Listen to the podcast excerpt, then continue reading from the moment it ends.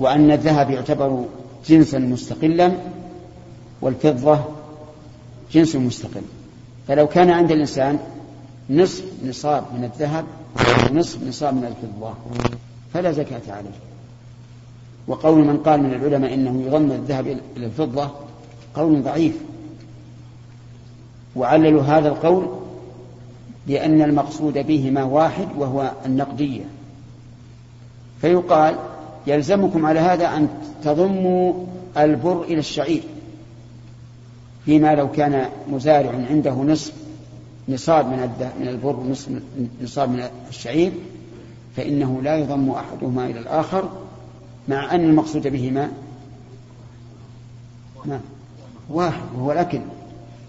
وبهذا يتبين لك أن الأقيسة أن الأقيسة المخالفة للنصوص متناقضة.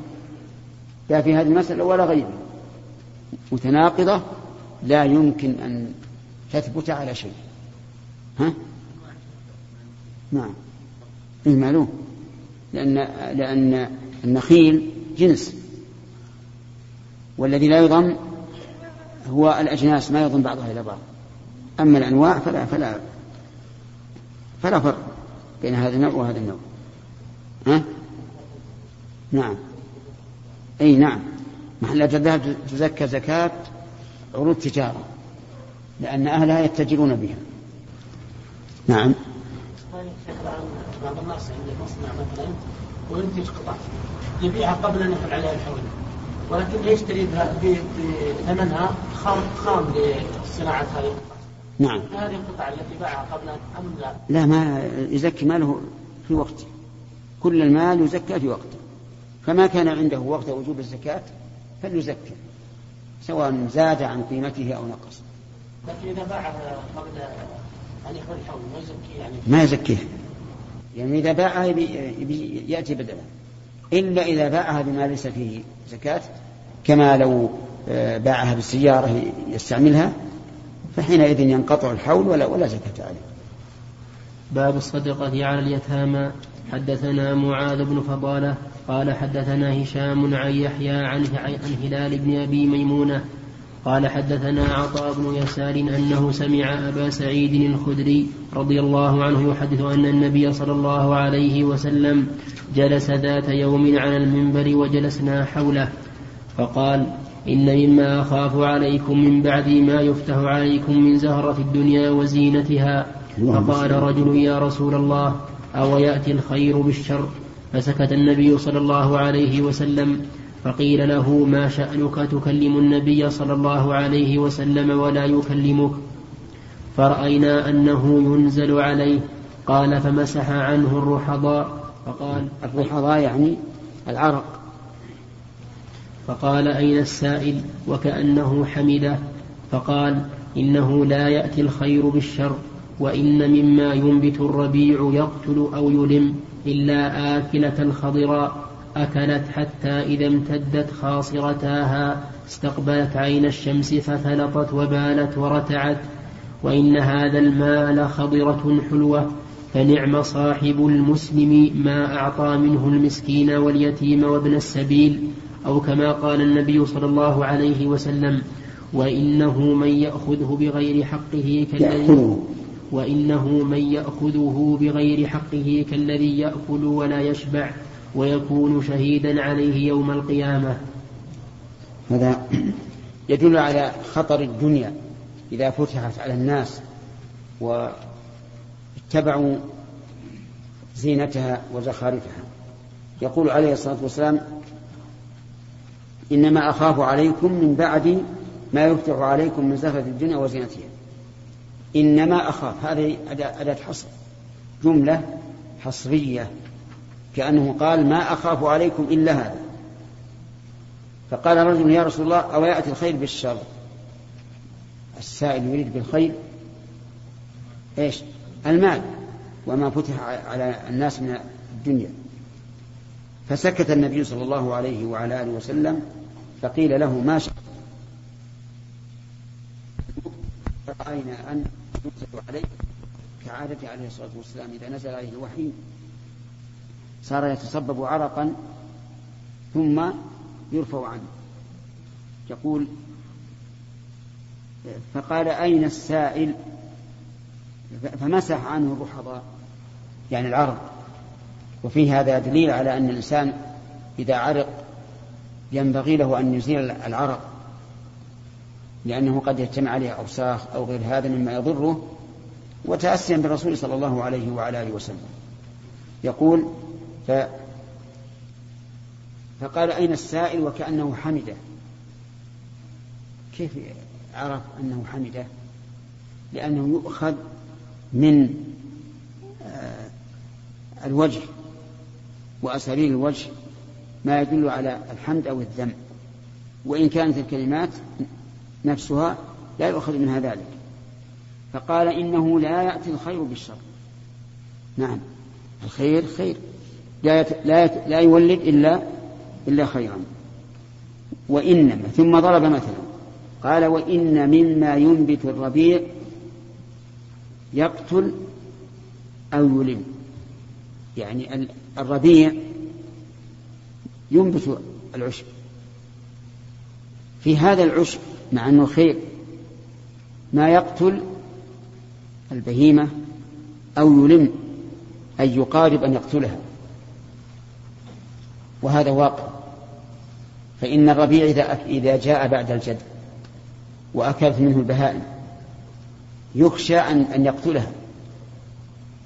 يخشى أن يقتلها لأنها تأتي بشفقة عظيمة وتأكل كل ما أمامها ويكون في هذا الذي أكلت مضرة عليها قال إلا آكلة الخضراء يعني الأوراق تأكلها حتى إذا امتدت خاصرتاها يعني شبعت وظهر بطنها. مما أكلت استقبلت عين الشمس ففلطت وبالت. يعني بمعنى أنها تتوقف إذا امتدت خاصرتها. توقفت واستقبلت عين الشمس لأن للشمس تأثيرا في هضم هذا الربيع الذي أكلت. ولهذا قال فثلطت وبالت ورتعت. ثلطت ما يخرج من دبرها وبالت ما يخرج من قبلها. ورتعت عادت إلى الأكل. هذه سلمت أو لم تسلم؟ سلمت.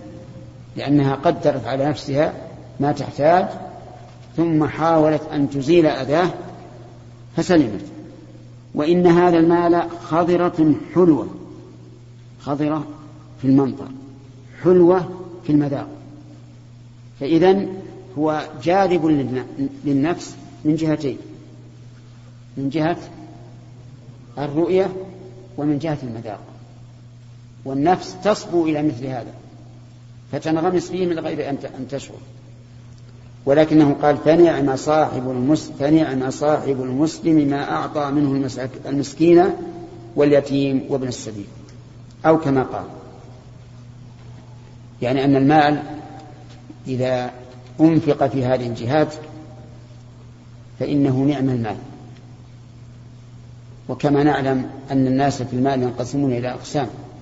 منهم من ينفقه في المعاصي ومنهم من ينفقه في المباحات ومنهم من ينفقه في الطاعات ومنهم من يمسكه ولا ينفقه. الناس أنواع وأصناف. ثم قال عليه الصلاة والسلام وإنه من يأخذه بغير حقه كالذي يأكل ولا يشبع. اللهم صل وسلم عليه. صدق الرسول. والواقع شاهد بهذا. الذي يأكل مال بغير حقه كالذي يأكل ولا يشبع. إذا فتجد فيه نهمة على أخذ المال وأكل المال ولكنه لا يشبع والعياذ بالله. واعتبر هذا بآكل الربا فإن معهم نهمة عظيمة على طلب الربا حتى لو كانوا ذوي أموال طائلة ويكون المال يكون شهيدا عليه يوم القيامة إذا أخذه بغير حق. نعم. نعم. وإن مما. إيه، حتى عندي وإن مما ينبت الربيع يقتل أو ينمو ها؟ كيف؟ إيه؟ وإن مما. ها يعني أني ظنيت إنما صحيح. فهذا تنبيه طيب. نعم. إيش؟ هذا من من قوله يقتل أو عندهم بعض الأسماء فيها يعني ما السنة فيخرج هذه الأشياء على أساس أنها من الزكاة هل تجزئه؟ كيف؟ يعني عنده عروض التجارة لا يجوز إلا الدراهم لا يجوز أن نخرج من العروض أصحاب المحلات وغيرهم العروض لا يجوز إخراج زكاتها إلا من النقود لأن المقصود بها النقود. ولأنه لو فتح الباب وقيل إن الإنسان يخرج من من العروض لكان بعض الناس يختارون من العروض ما هو كاسب. ولا لا, لا تجزئه إلا من النقود. عروض التجارة. وما أخرج وما أخرج في الماضي. يكون صدقة. ويخرج بدله نعم. ها؟ طيب. باب الزكاة على الزوج والأيتام في الحج. قاله أبو سعيد عن النبي صلى الله عليه وسلم حدثنا عمر بن حفص قال حدثنا أبي قال حدثنا الأعمش قال حدثني شقيق عن عمرو بن الحارث عن زينب امرأة بن ع... عن زينب امرأة عبد الله رضي الله عنهما قال فذكرته لإبراهيم فحدثني إبراهيم عن أبي عبيدة عن عمرو بن الحارث عن زينب امرأة عبد الله بمثله سواء قالت كنت في المسجد فرأيت النبي صلى الله عليه وسلم فقال تصدقن ولو من حليكن وكانت زينب تنفق على عبد الله وأيتام في حجرها فقالت لعبد الله سل رسول الله صلى الله عليه وسلم وأيتام في حجرها. ها؟ كسرها فتح. الحجر بالكسر عقد. وكانت زينب تنفق على عبد الله وأيتام في حجرها فقالت لعبد الله سل رسول الله صلى الله عليه وسلم أيجزئ عني أن أنفق عليك وعلى أيتام في حجري من الصدقة؟ فقال سل أنت رسول الله صلى الله عليه وسلم. فانطلقت إلى النبي صلى الله عليه وسلم فوجدت امرأة من الأنصار على الباب حاجتها مثل حاجة. فوجدت امرأة من الأنصار على الباب حاجتها مثل حاجتي. فمر علينا بلال فقلنا سل النبي صلى الله عليه وسلم أيجزئ عني أن أنفق على زوجي وأيتام لي في حجري؟ وقلنا لا تخبر بنا. فدخل فسأله فقال من هما؟ قال زينب. قال أي الزيانب؟ قال امرأة عبد الله. قال نعم ولها أجران أجر القرابة وأجر الصدقة. في هذا دليل على جواز صدقة المرأة على زوجها إذا كان محتاجا. ولكن هل يجزئ ذلك من الزكاة أو لا؟ أظن حديث ما بعد ما في شيء. ما في شيء. بسم الله الرحمن الرحيم الحمد لله رب العالمين صلى الله وسلم على عبده ورسوله نبينا محمد وعلى آله وأصحابه أجمعين. قال الإمام أبو عبد الله البخاري رحمه الله تعالى في كتاب الزكاة من صحيحه باب قول الله تعالى وفي الرقاب والغارمين وفي سبيل الله ويذكر عن ابن عباس رضي الله عنهما يعتق من زكاة ماله ويعطي في الحج وقال الحسن إن اشترى أباه من الزكاة جاز ويعطي في المجاهدين والذي لم يحج. ثم تلا إنما الصدقات للفقراء الآية في أيها أعطيت أجزأت. وقال النبي صلى الله عليه وسلم إن أجزأت. نعم. وفي في أيها أعطيت أجزأت. وفي وقال النبي صلى الله عليه وسلم إن خالدا احتبس أدراعه في سبيل الله. ويذكر عن أبي لاس حملنا النبي صلى الله عليه وسلم على إبل الصدقة للحج. حدثنا أبو اليمان. هذه المسائل باب قول الله تعالى وفي الرقاب وفي سبيل الله. هذه من من أهل الزكاة. الرقاب ذكر العلماء أنها ثلاث أصناف. أن يشتري عبدا فيعتقه. والثاني أن يكاتب عبده. والثالثة أن يفدي أسيرا مسلما من الكفار. كل هذا في الرقاب. وكذلك لو كان عنده عبد فقدر قيمته وأعتقه. فإنه يجزئه.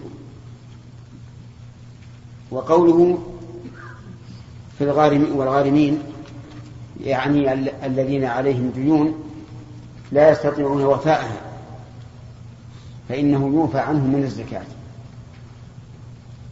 ولكن إن كان هذا الغارم أمينا حريصا على وفاء دينه فإنه يعطى بيده ويوفى لأن ذلك أبعد عن الرياء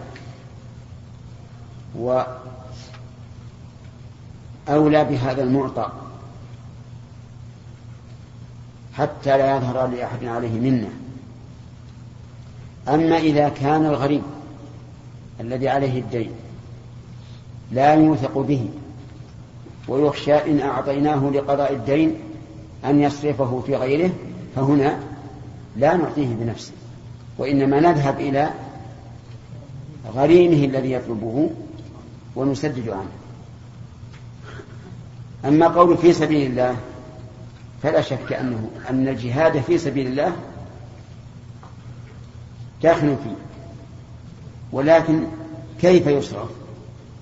قيل إنه يعطى المجاهدين. ينفق على المجاهدين. ولا يصح أن يشترى به سلاح. وقيل بل يصح أن يعطى المجاهدين وأن يشترى به سلاح. لأن المجاهد لا يجاهد إلا بسلاح. وهذا القول هو الراجح. ويأتي له شاهد إن شاء الله تعالى. هل الحج من داخل في قول في سبيل الله؟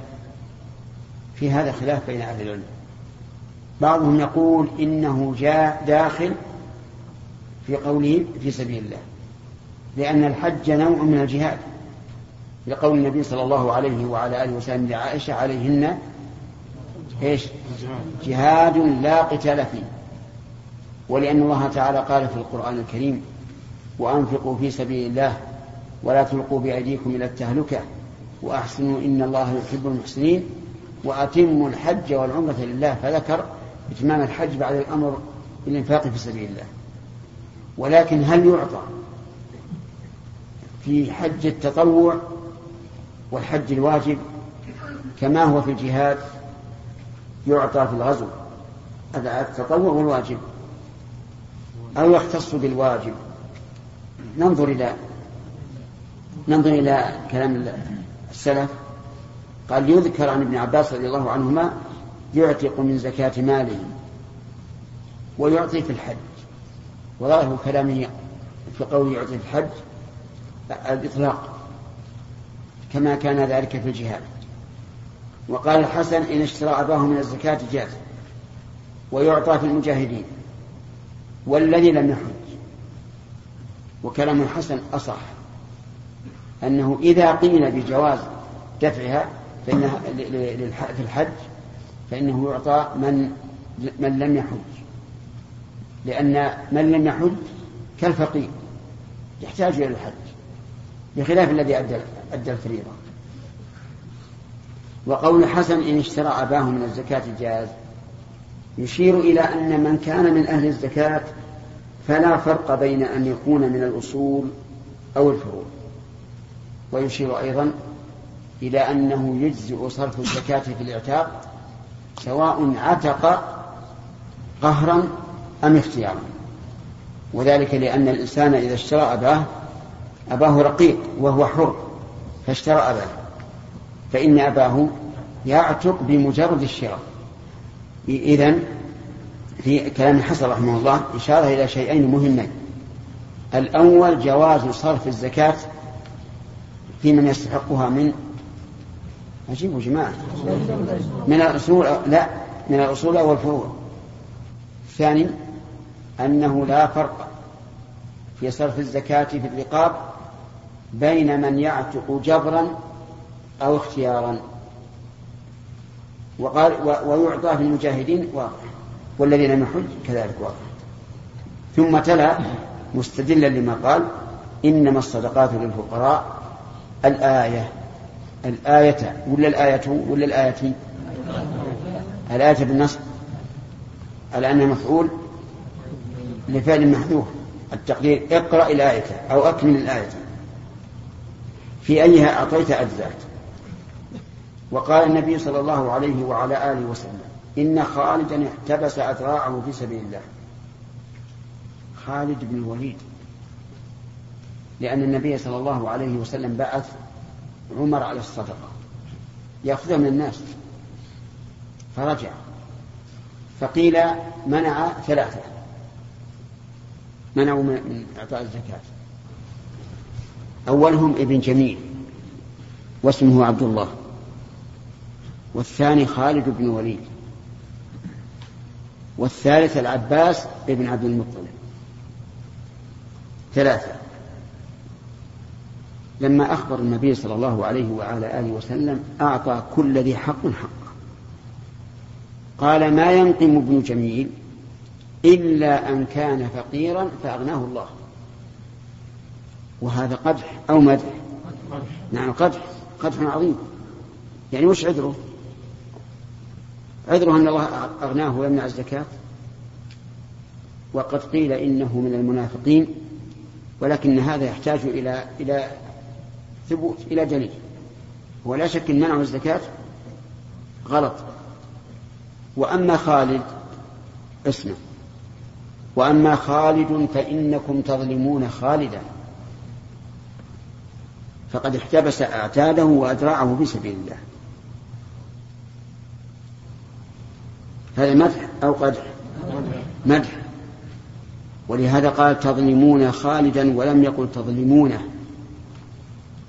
فأظهر اسمه العلم رفعة له وإظهارا لشرفه يعني كأنه قال خالد منه خالد هذه تظلمونه إنكم تظلمون خالدا. ثم ذكر أنه احتبس أذرعه وأعتاده في سبيل الله.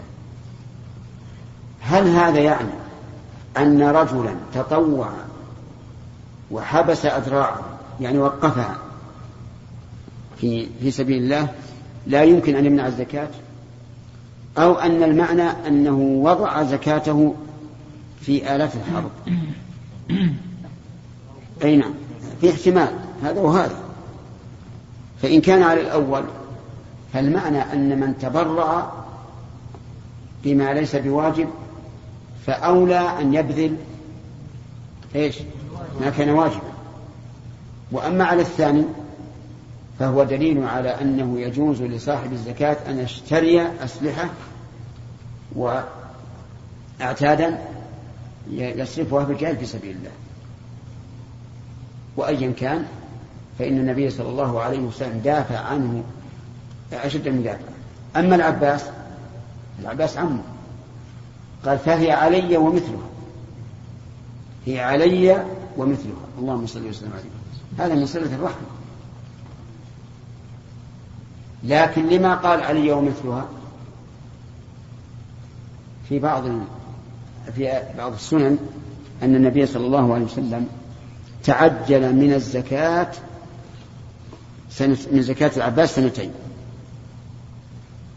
تعجل سنتين. ولكن هذا التأويل بعيد. لأنه لو كان الأمر كذلك لقال وأما العباس فقد أداها.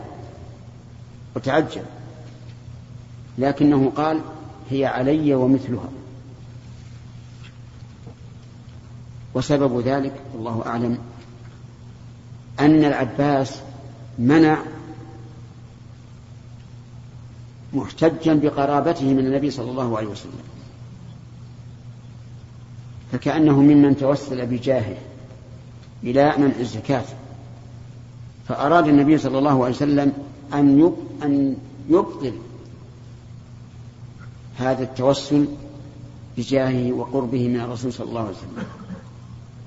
لأن الناس في أحكام الله سواء. فيكون هذا نوعا من التعزير. وهذا هو الأقرب. لكنه صلى الله عليه وسلم لصلته لرحمه جعل هذا على على نفسه. سياسة عمر بن الخطاب رضي الله عنه مثل هذا تماما كان إذا نهى الناس عن شيء جمع حاشيته وأهله. وقال لهم إني نهيت الناس عن كذا وإن الناس ينظرون إليكم نظر الطير إلى اللحم. يترقبون الفرصة.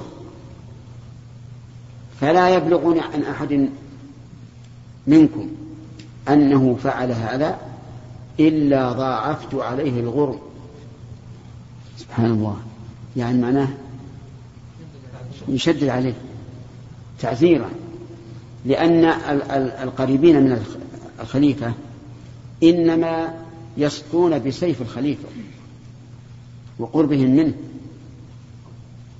فأراد عمر أن يرجعهم.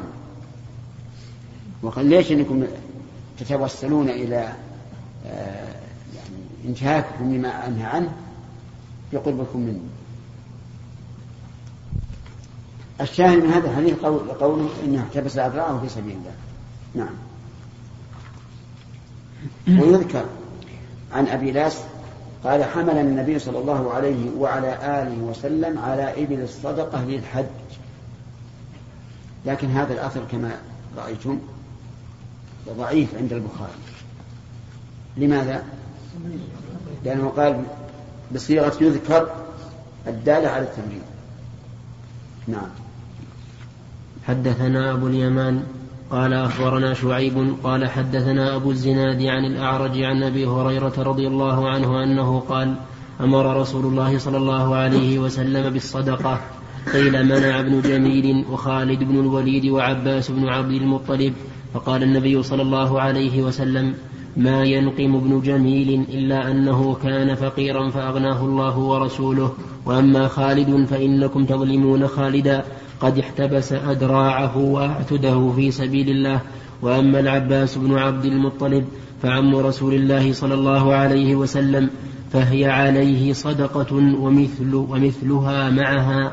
تابعه ابن أبي تابعه ابن أبي الزناد عن أبيه وقال ابن إسحاق عن أبي الزناد هي عليه ومثلها معها. وقال ابن وقال ابن جريج حدثت عن الأعرج مثله. الرابع ما ذكر فهي علي ومثلها. ما شغل فتح نعم. قوله فهي عليه صدقة ومثلها معها. كذا في رواية شعيب ولم يقل ولم يقل ورقاء ولا موسى بن عقبة صدقة فعلى الرواية الأولى يكون صلى الله عليه وسلم ألزمه بتضعيف صدقته ليكون أرفع لقدره وأنبه لذكره وأنفى للذم عنه فالمعنى فهي صدقة ثابتة عليه سيصدق بها ويضيف إليها مثلها كرما ودلت رواية مسلم على أنه صلى الله عليه وسلم التزم بإخراج ذلك عنه بقوله فهي علي وفيه تنبيه على سبب ذلك على. تنبيه على سبب ذلك وهو قوله إن العم صن والأب تفضيلا له وتشريفا ويحتمل أن يكون تحمل عنه بها فيستفاد منه أن الزكاة تتعلق بالذمة كما, كما هو أحد قولي الشافعي. وجمع بعضهم بين رواية علي ورواية عليه بأن الأصل رواية علي ورواية عليه مثلها إلا أن فيها زيادة هاء السكت. حكاه ابن الجوزي عن ابن ناصر وقيل معنى قوله علي أي هي عندي قرض لأنني استسلفت منه صدقة عامين. وقد ورد ذلك صريحا فيما أخرجه الترمذي وغيره من حديث علي وفي إسناده مقال. وفي الدار قطني عن طريق موسى بن طلحة أن النبي صلى الله عليه وسلم قال إنا كنا احتجنا فتعجلنا من العباس صدقة, ما صدقة ماله سنتين وهذا مرسل. وروى الدار قطني أيضا موصولا وروى الدار قطني أيضا موصولا بذكر طلحة بذكر طلحة فيه وإسناد المرسل أصح. وفي الدار قطني أيضا من حديث ابن عباس أن النبي صلى الله عليه وسلم بعث عمر, بعث عمر ساعيا فأتى العباس فأغلظ له فأخبر النبي صلى الله عليه وسلم فقال إن العباس قد است فقال إن العباس قد استلفنا زكاة ماله العام والعام المقبل وفي إسناده ضعف وأخرجه أيضا هو والطبراني من حديث أبي رافع نحو هذا وإسناده ضعيف أيضا. ومن حديث ابن مسعود أن النبي صلى الله عليه وسلم تعجل من العباس صدقته سنتين وفي إسناده محمد بن ذكوان وهو ضعيف. ولو ثبت لكان رافعا للإشكال ولرجح به سياق رواية مسلم على بقية الروايات. وفيه رد بقول من قال إن قصة التعجيل إنما وردت في وقت غير الوقت الذي بعث فيه عمر لأخذ الصدقة وليس ثبوت هذه القصة في تعجيل صدقة العباس بعيد في النظر بمجموع هذه الطرق والله أعلم. خلاص؟ خير الأقرب الله أعلم أن اللفظ الصحيح فهي علي ومثله وهو سياق مسلم ولكن يمكن الجمع بينها. بين هذا اللفظ وبين قوله وهي عليه هي عليه ومثلها معه. لأن الرسول تحملها ثم ثم يرجع عليه فيما بعد. هذا إن صح اللفظ إن كان اللفظ محفوظا فهي عليه ومثلها معه. وأما إذا كان اللفظ محفوظ فهي عليه ومثلها فلا إشكال. نعم يحيى قلنا في أثر الحسن جواز صرف زكاة الفروع. زكاة الأصول. الأصول يعني. نعم. الفروع. مثلها. يعني إذا جاز للأعلى جاز للأسفل أولاد الصغار. لا. لاحظوا هذه مسألة يجب التنبه لها. لا تجزئ الزكاة إذا كان الإنسان يدفع بها واجبا عنه. هذا القاعدة. لا تجزئ إذا كان يدفع بها واجبا عنه. فلو فرضنا أن له أن له أخا تلزمه نفقته وأراد أن يدفع لأخيه زكاته فإنه لا يجزي. لأنه إذا أدى إليه الزكاة وفر وفر على نفس النفقة. فالقاعدة أن كل من أسقط بالزكاة واجبا عليه فإنها لا تجزئه. واضح؟ كذلك لو نزل به ضيف فأطعمه من التمر واحتسب ذلك من من الزكاة فإنه لا يجزئه. لأنه دفع عن نفسه واجبا.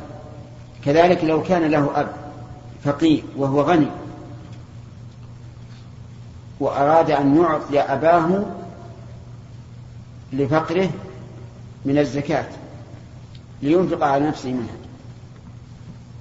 فإن ذلك لا يجزئه لأنه يجب عليه أن ينفق على أبيه.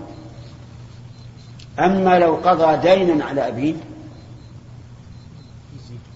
أجزأ. السبب لأنه لا يلزمه أن يقضي دين أبيه. وكذلك يقال في الابن لو كان إنسان له ابن فقير وهو غني واحتاج إلى النفقة الابن فإنه لا يجوز أن ينفق عليه من الزكاة. لكن لو حصل حادث حادث منه وألزم بغرامة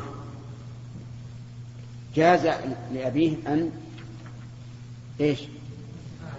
أن يدفع في هذه الغرامة لأنه لازمه أن يدفع غرامة عن ابنه.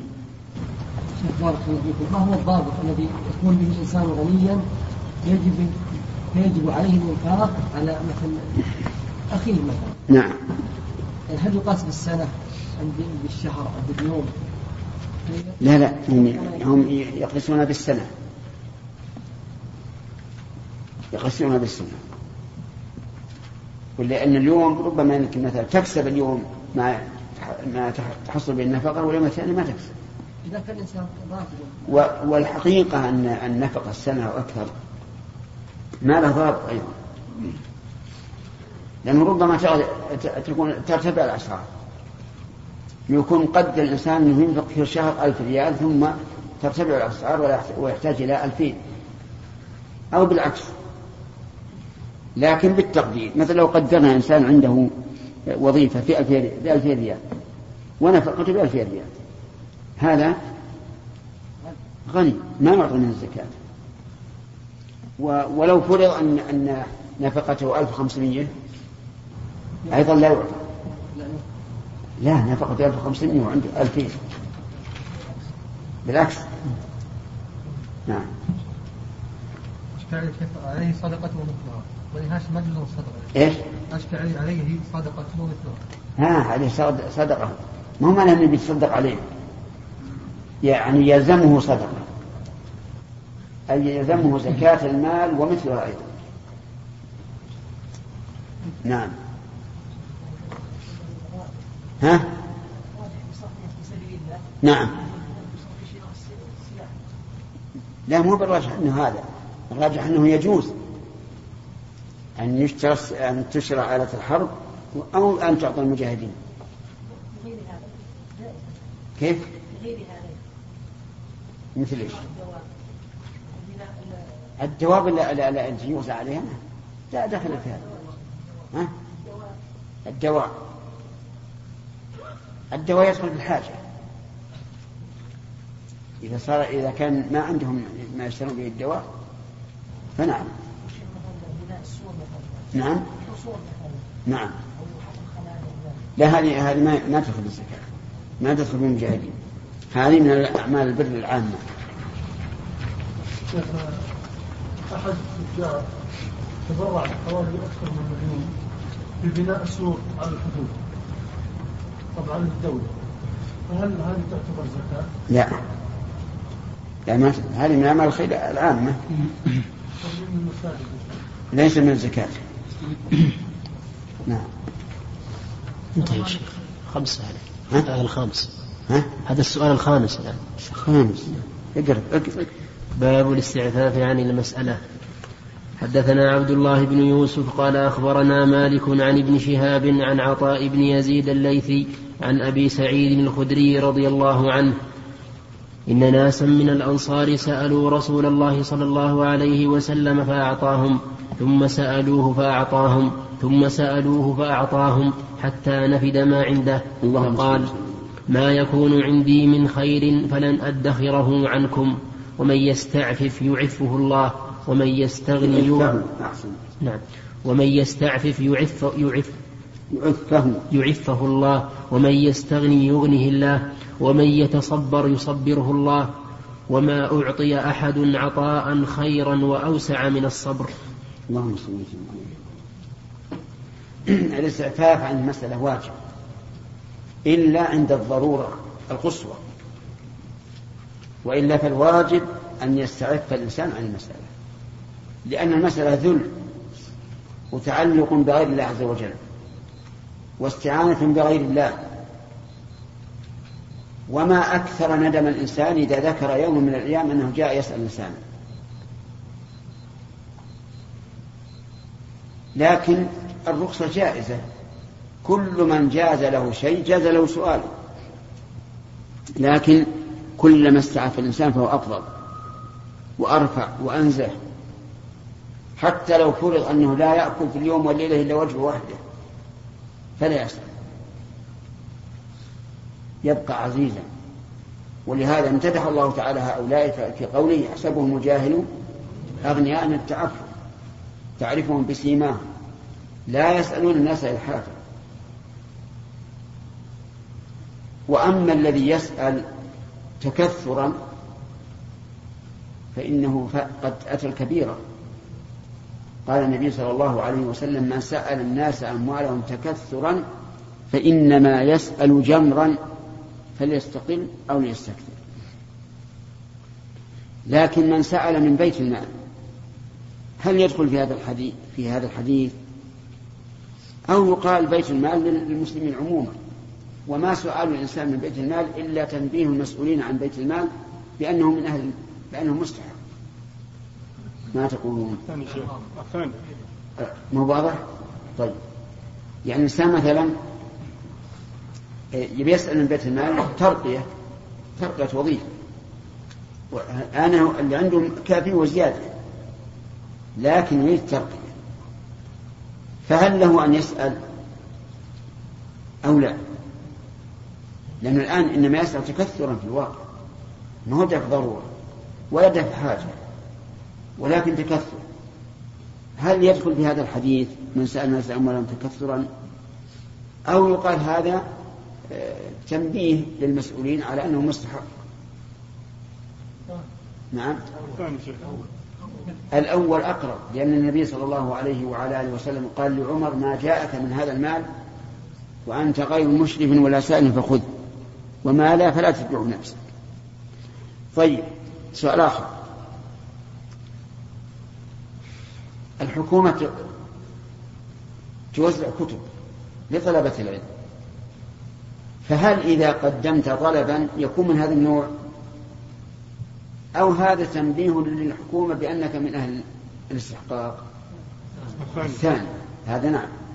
هذا الثاني. أنك من أهل الاستحقاق. الحكومة وش فيها مثلا عن كل واحد من طالب علم مستحق. فلا حرج أن تكتب بأني أنا آه، مستحق لهذا الكتاب مثلا لأن هذا تنبيه فقط. والمهم أنه كلما أمكنك أن لا تسأل الناس شيئا فافعل. حتى أن النبي صلى الله عليه وعلى آله وسلم بايع الصحابة على أن لا يسألوا الناس شيئا. فكان الرجل يسقط عصاه من يده وهو على بعيره فينزل ويأخذ العصا. ولا يقول للثاني يا فلان أعطى عصا وجرب تجد عزة نفس وعلو مكانة واحترام من الناس. إذا كففت عن الناس إلا فإنه حق لك تريد التنبيه عليه هذا شيء آخر. وفي هذا الحديث كرم النبي صلى الله عليه وعلى آله وسلم حيث قال ما يكون عندي من خير فلن أدخره فلن أدخره عنكم. اللهم صل وسلم. عليه لأنهم, سأل لأنهم سألوه فأعطاهم وسألوه فأعطاهم. وقوله من خير يعني من مال. كما في قول الله تعالى كتب عليكم إذا حضر أحدكم الموت إيش؟ إن ترك خيرا الوصية. يعني مالا وقال تعالى وإنه لحب الخير لشديد. أي المال؟ وفي أيضا من فوائده أن من استعف أعفه الله. يعني أعانه على العفاف. واستغنى بما عنده في يدك. طيب بعض الناس يكون سؤاله صريحا. يقول يا فلان عطني كذا وكذا. وبعض الناس يكون تلميحا مثل أن يجد مع شخص كتابا والله هذا الكتاب يا زين أنا ما عندي مثله. وسمعنا؟ أعطيني إياه. يعني أعطني إياه. صاحبه قد يكون خجولا. ويخجل ويعطيه إياه. فهل يجوز له قبوله؟ لا يجوز لأن العلماء نصوا رحمهم الله وأصابوا أن من أهداك هدية خجلا وحياء نعم فلا تقبلها. يحرم عليك قبوله. وهذا واضح لأنه لولا الخجل ما أعطاك. نعم. انتهى الوقت. محمد خليل مسكين لا شيء أردت أن أقول سبقني يعني. إيش؟ سبقني بها وكاشف. بسم الله الرحمن الرحيم. الحمد لله رب العالمين. صلى الله وسلم على عبده ورسوله نبينا محمد وعلى آله وأصحابه أجمعين. قال الإمام أبو عبد الله البخاري رحمه الله تعالى في كتاب الزكاة من صحيحه في باب باب الاستعفاف عن المسألة. قال حدثنا عبد الله بن يوسف قال أخبرنا مالك عن أبي الزناد عن الأعرج عن أبي هريرة رضي الله عنه أن رسول الله صلى الله عليه وسلم قال والذي نفسي بيده لأن يأخذ أحدكم حبله فيحتطب على ظهره خير له من أن يأتي رجلا فيسأله أعطاه أو منعه. من فضلك اقلب الشريط.